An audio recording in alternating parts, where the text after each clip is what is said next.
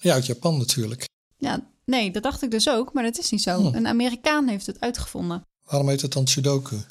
Ja, een Japanner heeft er een andere naam aan gegeven. Het heet eigenlijk number place, maar dat klinkt natuurlijk niet zo sexy. Nee. Dus Maar waarom heet het dan Sudoku? ja, Sudoku is een afkorting van Suji wa Dokushin ni Kakiru. Dat bekt lekker. Dit is Drang naar Samenhang, de podcast over de psychologie van het begrijpen. Mijn naam is Rol Zwaan, auteur van het boek Drang naar Samenhang en hoogleraar cognitieve psychologie aan de Erasmus Universiteit Rotterdam. en ik ben Anita Eerland, psycholoog en universitair docent taal en communicatie aan de Radboud Universiteit in Nijmegen. In deze podcast gaan wij in gesprek over thema's uit het boek. Je hoeft het boek niet te lezen om ons te kunnen volgen, maar het is wel zo leuk natuurlijk. In deze aflevering gaan we het hebben over puzzels, wie is de mol en de complottheorie QAnon. Wat hebben deze onderwerpen met elkaar gemeen? En wat hebben ze te maken met onze drang naar samenhang? Ja, nu is het eerste onderwerp van vandaag puzzels. En er zijn natuurlijk heel veel verschillende soorten puzzels, maar ik moet dan meteen denken aan een ouderwetse legpuzzel. En de kans is groot dat eh, het woord puzzel Ehm, niet alleen bij mij, maar bij heel veel andere mensen ook meteen die associatie met een legpuzzel oproept. Ik heb namelijk een eh, blogpost gevonden van de NOS van 8 november 2020.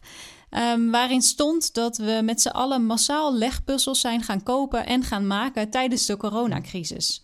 Ehm, het was zelfs zo erg dat spellenproducenten een tijdje hebben gevreesd voor een heus legpuzzeltekort. Maar waarom zou dat dan zijn? Eh, ja, ik snap wel dat het iets te maken heeft met de coronacrisis. Mensen moeten wat te doen hebben, maar waarom dan juist legpuzzels? Ja, ik denk, nou ja, er zijn allerlei eh, hobby's die, eh, die mensen meer zijn gaan doen tijdens de coronacrisis. Want ze zaten meer thuis en moesten hun tijd eh, daar doorbrengen. Je, je kon ook weinig anders. Ehm, maar ik denk dat een legpuzzel ehm, een goede manier is van coping met zo'n situatie die onzeker is. Ja, zeker in het begin van die crisis. Ehm, het is eh, eh, ja, een mooie vorm van afleiding, waarbij je wel een beetje na moet denken. Dus je hebt wel een bepaalde hoeveelheid aandacht nodig om die puzzel te kunnen maken. Maar niet te veel, zodat je eh, cognitief helemaal uitgeput raakt. Dus het is niet heel erg vermoeiend. Um, maar je moet wel je aandacht erbij houden en daardoor leidt het af van nou ja, de huidige situatie. Althans, dat is uh, hoe het bij mij werkt. En zo'n legpuzzel maken is, geeft precies de juiste balans dus uh, cognitieve inspanning en uh, afleiding. Ja, ik heb dat uh, gevoel ook wel een beetje. En ik vind legpuzzels ook leuk, maar niet zo leuk als jij ze vindt. Maar um, wat er voor mij namelijk altijd een beetje ontbreekt, is het verrassingselement. Hè? Dus je hebt een puzzel van duizend stukjes of drieduizend stukjes. Maar het is niet zo dat je bij um, de laatste drie stukjes de denkt van... Nou, ik ben wel benieuwd wat ik uiteindelijk ga zien. ik bedoel, het is al heel, heel lang duidelijk wat het gaat worden en je maakt een voorbeeld na. Dus uh, er zit totaal geen verrassingselement in. Als je nog 400 stukjes te gaan hebt, dan weet je bij een puzzel van uh, duizend stukjes, ik ben op 60% zeg maar. Ja, je kan heel goed het proces monitoren. En je hebt gelijk, je, het is geen verrassing aan het einde. Je weet al voordat je gaat beginnen wat je gaat maken. Um, dus het is een, een puzzel waarbij uh, het, het proces, dus het, het doen, zeg maar, belangrijker is uh, dan het einddoel. En dat is ja. natuurlijk niet bij alle soorten puzzels zo. Nee, nee ik ben zelf uh, eigenlijk meer een cryptogramman. nou ja, dat klinkt een beetje suf, maar ik, ik vind het leuk om cryptogrammen op te lossen. Omdat je daarbij wel dat verrassingselement hebt. Hè? En ineens, ho, heb je de oplossing te pakken. Dus... Um, ja, ik maak af en toe wel een cryptogram. En uh, een voorbeeld van een soort vraag die je dan, uh, of een, een, probleem dat je krijgt is, uh, en dit komt uit de Volkskrant, een snelle pauze bij het honkbal. En heb je, staat er tussen haakjes 5,4 en dat betekent eerst vijf letters, dan vier. Nou ja, dan denk je een beetje na en dan opeens valt het muntje. Um, want dan is snel, een snelle pauze dat kan zijn kort en een pauze, een stop. Dus dan heb je een korte stop en dat is een positie in het honkbal tussen de tweede en de derde honk, als ik me goed herinner.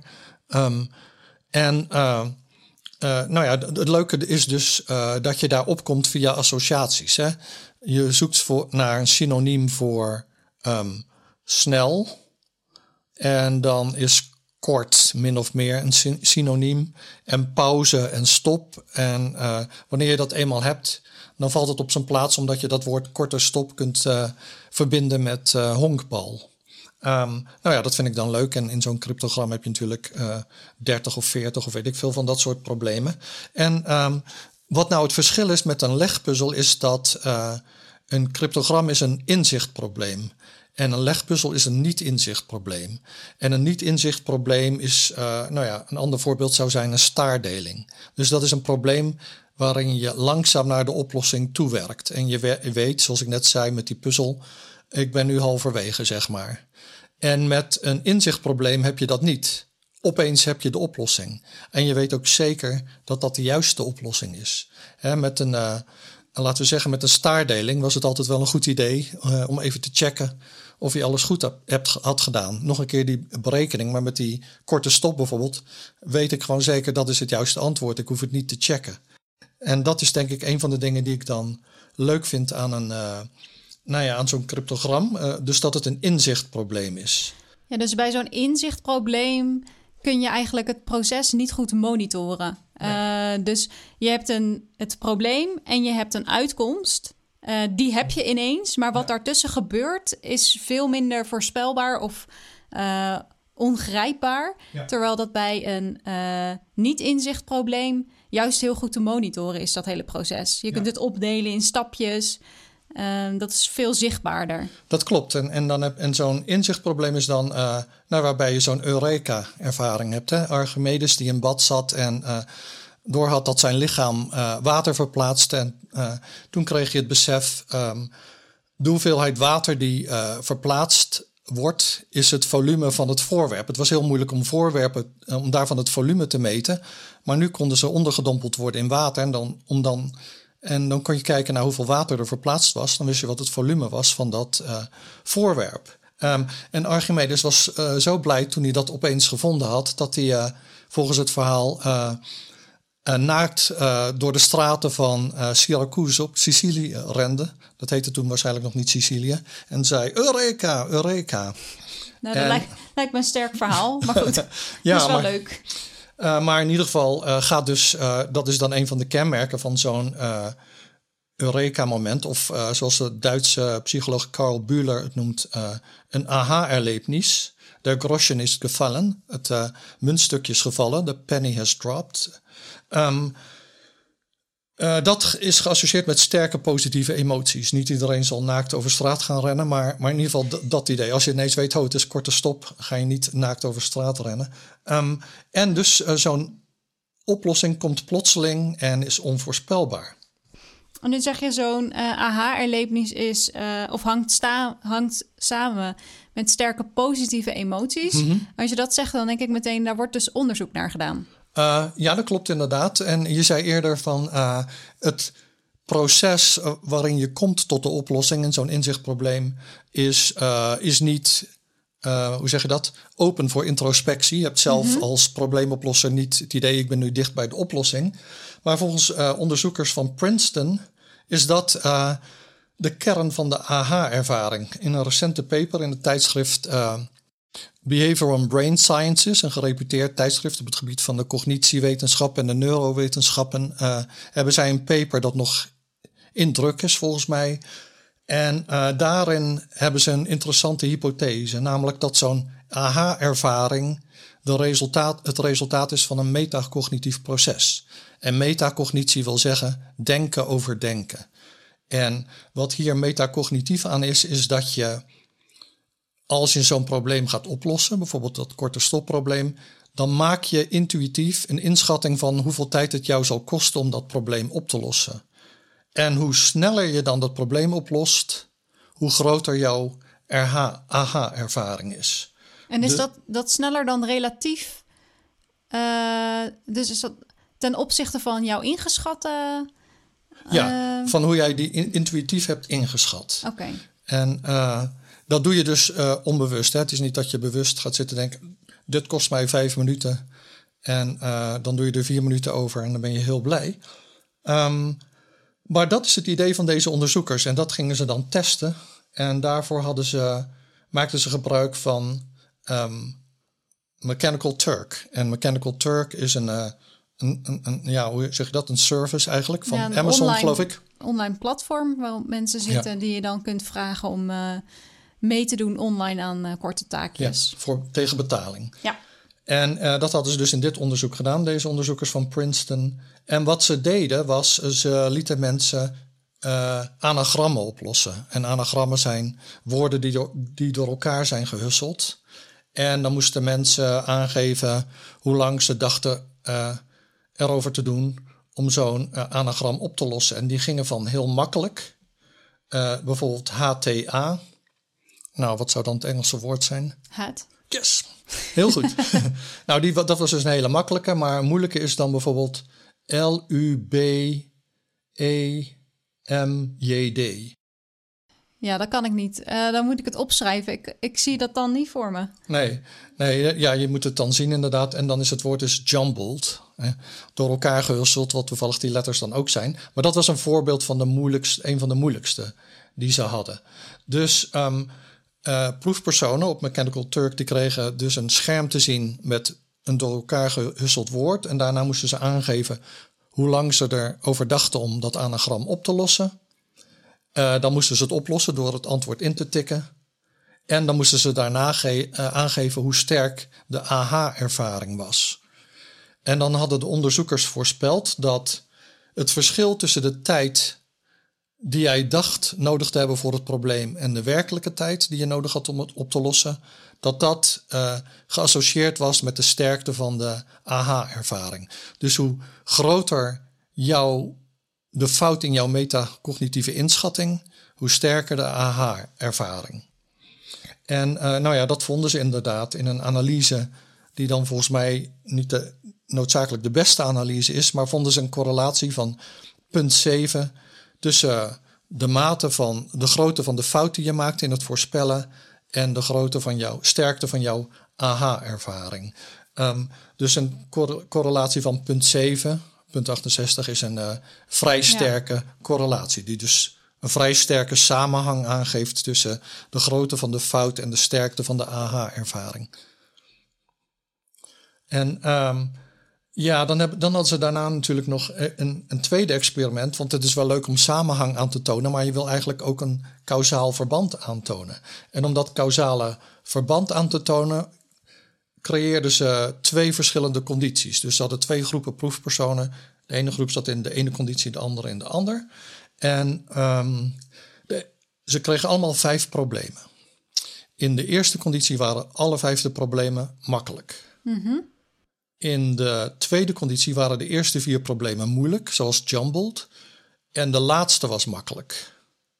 Um, en dan is natuurlijk uh, de, de vraag: wat gebeurt er met die condities? Ze waren zo opgezet om een verschil te creëren. En ik weet niet of jij een idee hebt van wat dan de voorspelling zou zijn in dit geval. Nou, in de ene groep heb je dus eerst vier makkelijke. Dus dan denk je dat uh, de volgende ook makkelijk zal zijn. Dus mm-hmm. is jouw inschatting van dat gaat me weinig tijd kosten waarschijnlijk. Um, als je dan een moeilijke krijgt, dan is dat dus vervelend. Heb je een ja. kleinere AH-ervaring of misschien wel geen. Um, want het valt dan heel erg tegen hoe lang je ermee ja. bezig bent. In die andere conditie heb je allemaal moeilijke gehad. Ja. Dus verwacht je dat je er langer over gaat doen. Ja. Dus dan valt die laatste opgave altijd mee of heb je dat goed ingeschat? Dus ja. ik zou verwachten dat je in die tweede groep een grotere aha uh, erlevenis uh, krijgt. Of in ieder geval dat de onderzoekers dat verwachten. Ja.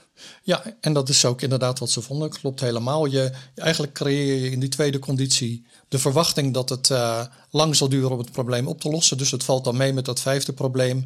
Dus heb je dan een inschattingsfout die groter is dan in de eerste conditie, waar je eigenlijk gecalibreerd bent op de moeilijkheidsgraad van het probleem. De, ja, dus dat is inderdaad wat ze vonden. Dus dat is dan uh, additioneel, additionele ondersteuning voor hun hypothese dat uh, de AH-ervaring of de sterkte ervan geassocieerd is met of voortkomt uit de metacognitieve inschattingsfout die je maakt. Um, En ja, er is natuurlijk wel nodig af te dingen op deze studie. Ook al hebben ze een uh, computationeel model zelfs gemaakt dat uh, de grootte van de AH-ervaring kan voorspellen. Kun je toch zeggen, ja, zo'n anagram als HTA, uh, dat is niet echt een AH-erlevenis. Het is niet dat je, als je die oplost, naakt door de straten van Syracuse gaat lopen. Dus dat is wel wat ik, ja. Nou ja, plus dat is zo'n makkelijke opgave dat je ja, je, je hebt die al opgelost. Mhm. En uh, uh, dan moet je daarna nog gaan schatten hoe lang je erover denkt te gaan doen. Ja. Uh, bij een veel moeilijkere kan ik me voorstellen dat je het nog niet hebt opgelost en dat je dan eerst gaat nadenken. Dan weet je al, ik, ik zie dit niet meteen, dus ik heb wel tijd nodig. Maar bij die makkelijke, ja, vind ik dat een beetje raar. Um, ja, plus het is allemaal zelfrapportage natuurlijk. En de vraag is hoe goed kunnen wij onze eigen cognitieve processen inschatten. Um, maar goed, ik, ik, vind het wel leuk dat ze hier uh, onderzoek naar hebben gedaan. En het is een, uh, ja, denk ik wel een aardige poging om in ieder geval iets van die aha-erlebnissen in kaart te brengen. En nou, ze proberen uh, te verklaren waar dat dan vandaan komt. En dat vind ik wel leuk. Ja, ja want het is natuurlijk zo dat zo'n in, een niet-inzichtprobleem, zoals een staardeling, die kun je haast hardop denkend oplossen. Ja. Dus dat betekent dat jij als uh, probleemoplosser goed inzicht hebt in hoe je dat doet. Maar dat geldt niet voor um, uh, ja, de AH-ervaring. Dus moet je experimenten bedenken waar, waarin je op een andere manier aan die informatie kunt komen. En dan maak je natuurlijk nog steeds gebruik van uh, zelfrapportage, zoals jij zei. Mensen geven aan op een zevenpuntschaal hoe sterk hun AH-ervaring is. Maar als je daar bijvoorbeeld een fysiologische maat voor zou kunnen gebruiken, dan, dan zou je al uh, een meer directe manier hebben om de sterkte van de AH-ervaring te kunnen meten. Dus dat zal misschien een volgende stap in dat uh, onderzoek zijn. Maar ik vind het op, op zich interessant altijd als psychologen, cognitieve psychologen, proberen problemen op te lossen die um, aansprekend zijn, maar zo op het oog uh, veel moeilijker zijn om te onderzoeken dan, dan de meer basale in, niet-inzichtproblemen. Ja. Nou, leuk. Ah, het uh, demineur 7 akkoord. Dat betekent onbegrip van de week. Um, nou, misschien wil jij beginnen. Wat is jouw onbegrip van de week? Nou, ik heb, ik heb een klein onbegripje van de onbegripje. week. Um, ik zat namelijk eerder deze week op de website van Dille en uh, Camille te kijken, want ik zocht iets wat ik nodig heb voor in de keuken. En dan krijg je altijd zo'n overzicht met alle producten die zij verkopen. En toen zag ik daar ineens iets tussen staan waarvan ik echt geen idee had uh, wat dat was. Mm -hmm. Dus ik um, probeerde dat uh, te achterhalen door te kijken naar hoe dat object eruit zag. Ik ging dus niet de beschrijving lezen, maar ik probeerde uh, op basis van het uiterlijk van dat uh, apparaat of dat object uh, te achterhalen waarvoor je dat zou kunnen gebruiken. Mm -hmm. um, en ik zal een, een, plaatje hiervan in de show notes zetten of anders de link naar de pagina waarop je dat object kunt vinden. En het is een zilverkleurig object met aan de bovenkant een soort containertje met een dekseltje erop. En aan de onderkant is het een soort cilindervorm vormig ding met uh, ja, wat open gaatjes en wat uitsteeksels uh, eruit. Mm -hmm. Nou, ik had dus geen idee waarvoor je dat zou kunnen gebruiken. Waarschijnlijk is dat containertje om iets in te doen, in te bewaren of zo. Uh, maar ja, is dat dan een vloeistof? Of is dat iets, iets van kruiden of zo? Ik had geen idee. Dus toen dacht ik, ja, ik kom hier niet verder mee. Laat ik maar kijken naar hoe dat ding dan heet. En dan staat er boven citruspers met dopje. dat zou dus een hint moeten zijn. Maar toen dacht ik nog steeds: ja, wat ga ik nou met een citroen doen met dit apparaat? Mm -hmm. uh, citruspers, ja, ik weet wel hoe een normale citruspers eruit ziet, maar dat is echt niet zoals dit. Nee. Dus toen snapte ik het eigenlijk nog steeds niet. Gelukkig staat er dan ook een beschrijving bij van hoe je dat apparaat kunt gebruiken. En er zat ook een plaatje bij waarbij je iemand ziet die dat apparaat gebruikt.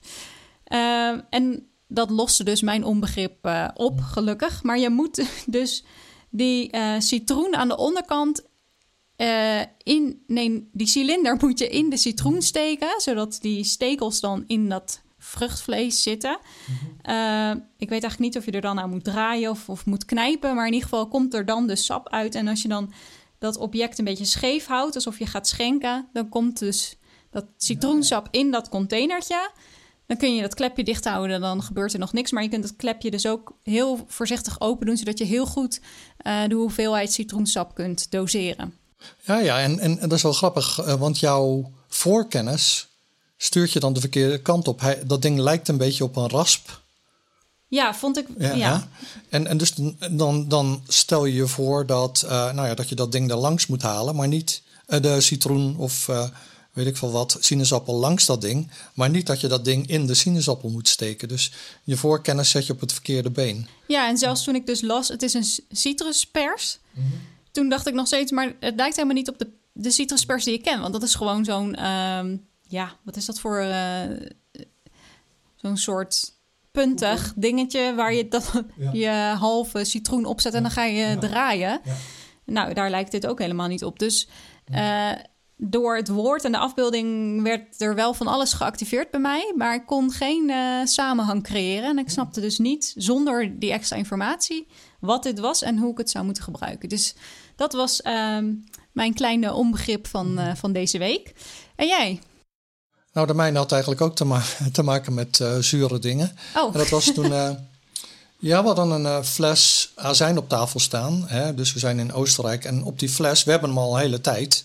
Want ja, een, fles azijn is niet als een fles wijn dat je hem in één avond leeg maakt. Dus ik had dat ding al heel vaak gezien. Maar nu viel, viel me ineens het woord tafelessig op. Essig is azijn. Maar ik dacht, een tafel is toch een tiche en niet een tafel. Hoe zit dat nu? En uh, dat was me dus eerder helemaal niet opgevallen. Ik denk omdat het woord essig mij bekend was en het woord tafel vanuit het Nederlands. Maar ja. ik heb het opgezocht en uh, nou, ik wist wel dat in het Duits het woord tafel in bepaalde contexten voorkomt, maar niet in de context van gedekte tafel. Dus een tisch is, uh, zoals ik het nu begrijp, het fysieke voorwerp. En een tafel is de gedekte tafel. En dus die azijn die gebruik je op een gedekte tafel en daarom heet het tafelessig en niet tischessig, denk ik. Nu had jij het in het begin over uh, legpuzzels en hoe populair die zijn geworden. En dat geeft wel aan dat wij samenhang willen creëren. Niet alleen als het noodzakelijk is, maar dat we dat ook voor ons plezier doen. En uh, nou ja, ik had het over die uh, aha-erlebnis voorbeelden, cryptogrammen en zo. En dat zijn allemaal ja, over het algemeen individuele activiteit, of althans een legpuzzel. Wij doen die vaak met z'n tweeën. Cryptogram doe ik alleen. Um, maar er zijn ook puzzels die grote groepen mensen oplossen. En een daarvan is uh, Wie is de Mol? En uh, jij bent van ons tweeën de Wie is de Mol fan. Dus uh, waarom is het zo leuk om. Waarom is dat programma zo, zo leuk en waarom is het zo leuk om actief mee te denken met de kandidaten? Ja, dat zijn een, een hoop vragen. Um, ik denk wat er zo leuk is. Kijk, dat, dat programma was sowieso al heel erg populair. Nog mm -hmm. voordat je als kijker echt actief mee ging doen. En voordat groepen mensen zich uh, uh, samen gingen buigen over de vraag: wie is, nu, wie is de mol? Um, voor de mensen die het programma niet kennen. Bij Wie is de Mol gaan de groep uh, bekende Nederlanders met elkaar op reis. Uh, ze moeten tijdens die reis verschillende opdrachten uitvoeren waarmee ze geld kunnen verdienen voor de pot. En er is één um, bekende Nederlander bij die uh, tegenwerkt. Dat is de mol. En uh, de opdracht van de mol is om zoveel mogelijk geld uit de pot te halen. Dus dat is iemand die um, nou ja, opdrachten saboteert. Um, maar dan natuurlijk niet op zo'n manier dat anderen meteen doorhebben wie de mol is. De opdracht van die andere is niet alleen geld verdienen voor de pot, maar ook ontmaskeren wie de mol is. Nou, als kijker is het nou ja, sowieso een leuk programma om, om te volgen. Je ziet mooie beelden van het land waar ze op vakantie zijn. Het is leuk om. Het zijn super interessante spelletjes vaak. Uh, niet altijd, maar meestal uh, zitten die spelletjes goed in elkaar. Dus uh, dat zijn dan puzzels die de kandidaten op moeten lossen, maar waar je als kijker ook mee mee kan doen. Mm -hmm. Maar het belangrijkste is natuurlijk het ontmaskeren van de mol. En uh, dat is uh, zo opgezet dat niet alleen de kandidaten dat moeten doen tijdens uh, het programma, maar dat je dus als kijker vanuit je luie stoel thuis mee kunt zoeken naar de mol. Um, dus je ziet wat er gebeurt, nou, of in ieder geval wat de makers van het programma willen dat de kijkers kunnen zien. En daarnaast stoppen de makers bepaalde hints in het programma die je als kijker kunt gebruiken om uh, nou ja, uit te vinden wie de mol is. En dat, ik denk omdat we van nature uh, nieuwsgierig zijn, en geneigd zijn samenhang te zien, problemen willen oplossen. Ik denk dat dit programma uh, op al die aspecten inspeelt. En dat dat deels de populariteit ervan verklaart. Maar vooral dus ook dat gezamenlijke. Want jij zit bijvoorbeeld in een uh, pool met je familie, volgens mij. En uh, op het internet, ik heb het daar ook in het boek over, heb je fora waar geloof ik 7000 mensen in zitten, die dan met z'n allen gaan zoeken naar hints in, de, in die programma's. Dus je hebt een soort wedloop tussen de programmamakers en de, die groep kijkers, die moloten genoemd worden. Um, en die moloten, die proberen dus, die zien overal samenhang in. En soms klopt het en soms niet. En uh, ja, dat, dat geeft een soort. Uh, ja, dus een strijd tussen de programmamakers en, de, en die groep kijkers. En die kijkers onderling hebben ook competities, hè? Uh, zoals jullie in die. Ja, dat is, dat is wel echt meer iets van de afgelopen jaren. Omdat nou dat met elkaar meedoen in zo'n pool, dat zit nu in zo'n Wie is de Mol app. En mhm. dat is iets wat een aantal jaar geleden voor het eerst is gelanceerd. Dat maakt het inderdaad leuk om met elkaar op zoek te gaan. En dan is er een uh, competitief element. En daarnaast kun je door, ja, door uh, het internet heel makkelijk informatie met elkaar delen. Dus je hebt inderdaad moloten die helemaal losgaan en elk programma tien keer kijken en alle shotjes analyseren om te kijken of zij verborgen boodschappen kunnen vinden. Um, en die informatie delen ze dan ook met de rest. En wat daar dus grappig aan is. Kijk, iedereen wil de hint van het seizoen uh, ontdekken en wil de eerste zijn die dat doet. Dus dat is een soort uh, beloning om dan uh, op jacht te gaan.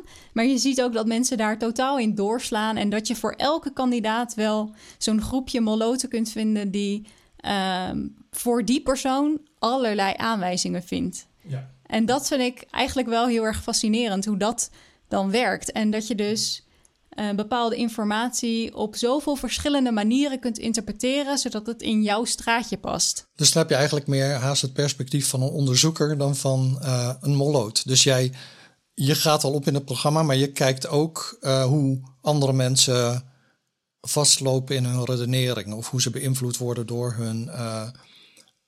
Of hoe ze tunnelvisie ontwikkelen of, of zo.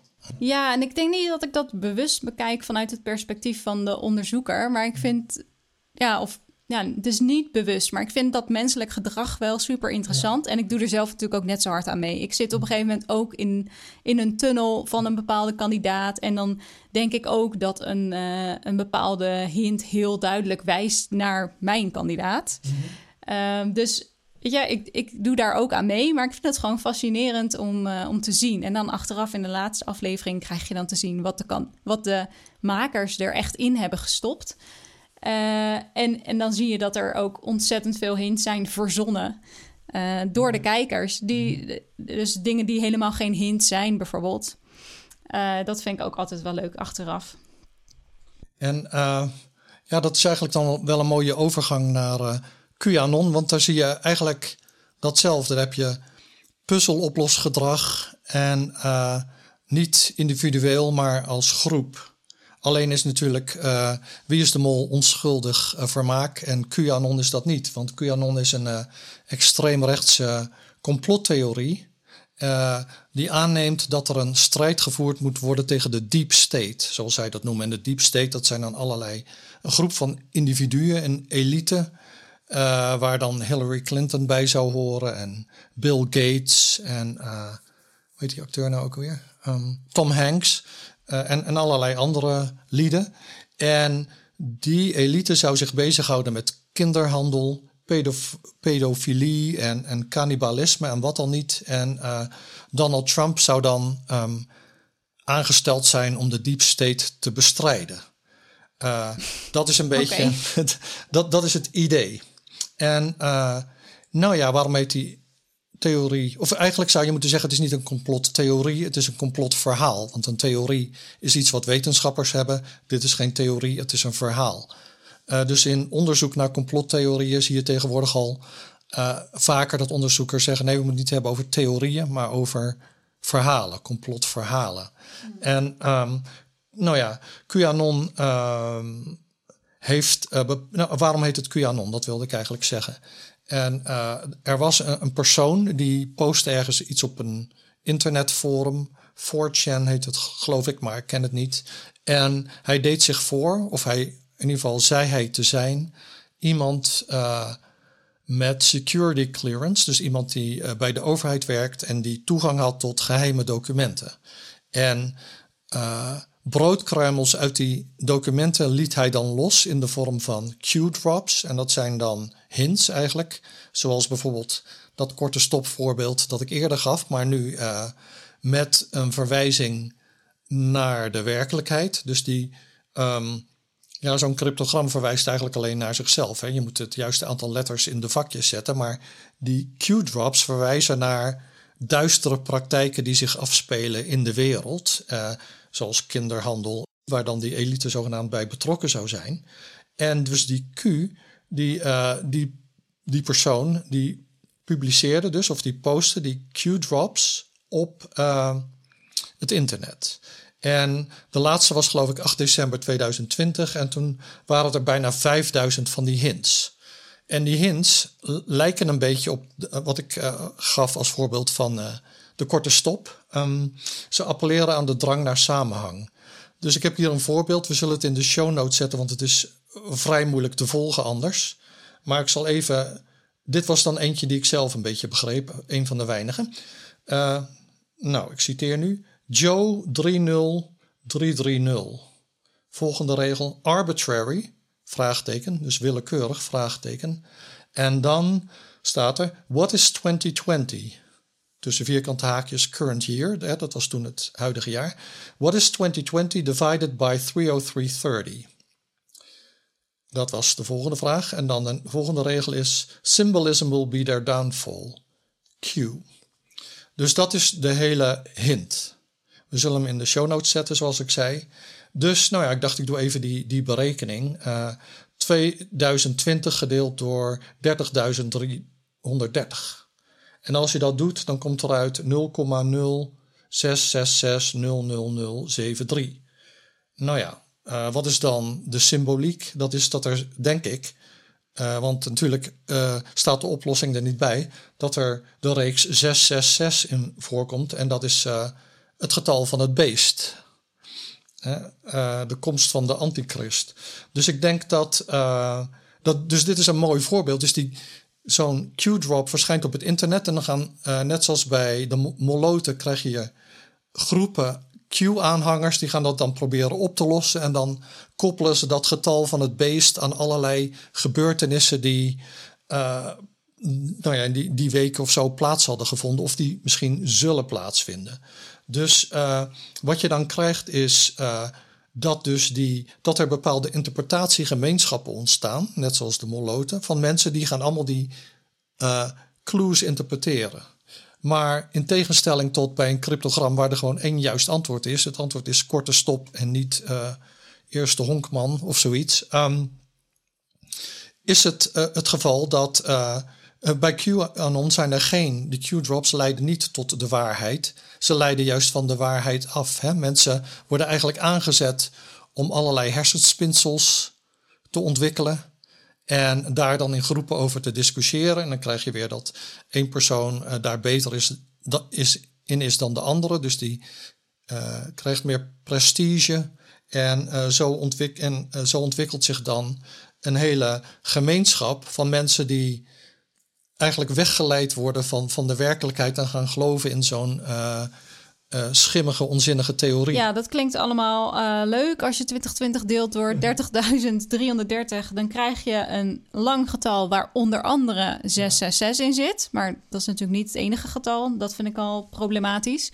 Maar um, ik snap alleen niet zo goed waar nou die 30.330 vandaan komt en wat die Joe ermee te maken heeft.